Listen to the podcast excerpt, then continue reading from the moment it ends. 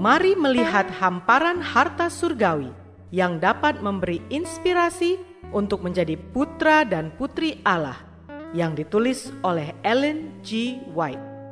Melalui renungan pagi ini, kita akan mempelajari nasihat yang menguatkan dan memberi semangat untuk memperbaiki karakter kita. Bersama Mana Multimedia Ministry, selamat mendengarkan.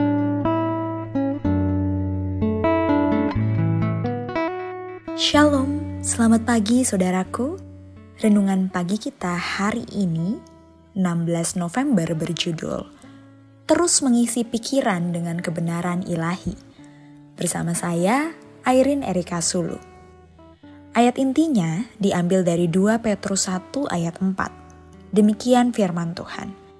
Dengan jalan itu, ia telah menganugerahkan kepada kita janji-janji yang berharga dan yang sangat besar, supaya olehnya kamu boleh mengambil bagian dalam kodrat ilahi dan luput dari hawa nafsu duniawi yang membinasakan dunia.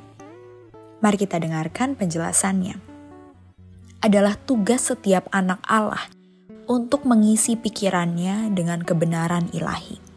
Dan semakin dia melakukan ini, semakin banyak kekuatan dan kejernihan pikiran yang dia miliki untuk memahami hal-hal yang mendalam tentang Allah.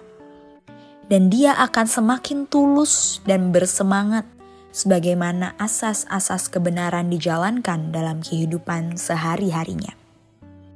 Apa yang akan memberkati manusia adalah kehidupan spiritual. Dia yang selaras dengan Tuhan akan terus-menerus bergantung padanya untuk kekuatan. Karena itulah harus kamu sempurna sama seperti Bapamu yang di sorga adalah sempurna. Adalah satu keharusan pekerjaan kita terus-menerus mencapai kesempurnaan karakter Kristen yang senantiasa berjuang untuk menyesuaikan diri dengan kehendak Allah.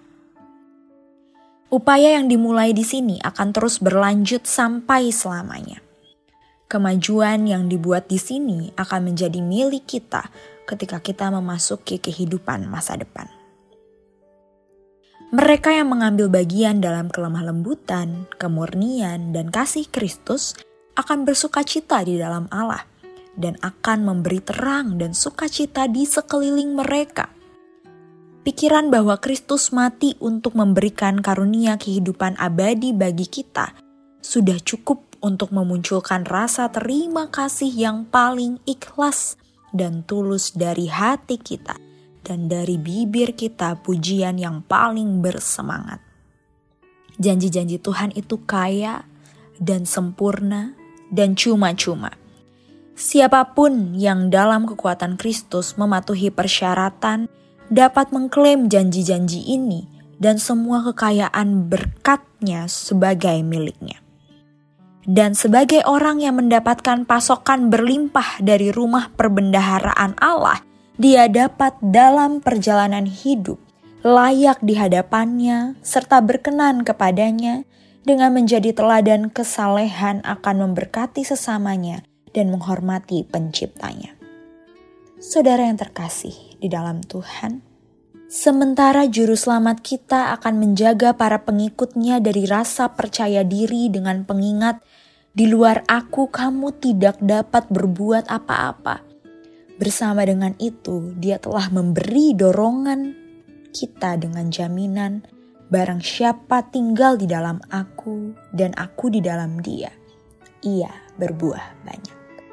Doa kita hari ini, ya Tuhan, terima kasih atas renungan pagi yang telah kami dengarkan, yang mengajarkan kami bahwa kami harus mengisi pikiran dengan kebenaran-Mu.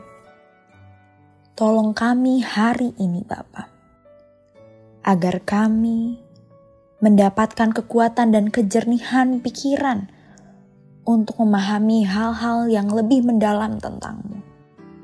Biarlah dengan itu kami boleh mendapatkan berkat-Mu karena di luar Engkau kami bukanlah siapa-siapa.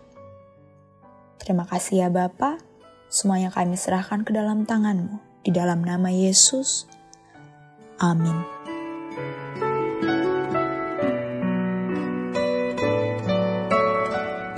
Demikianlah tadi pembahasan tentang menjadi putra dan putri Allah.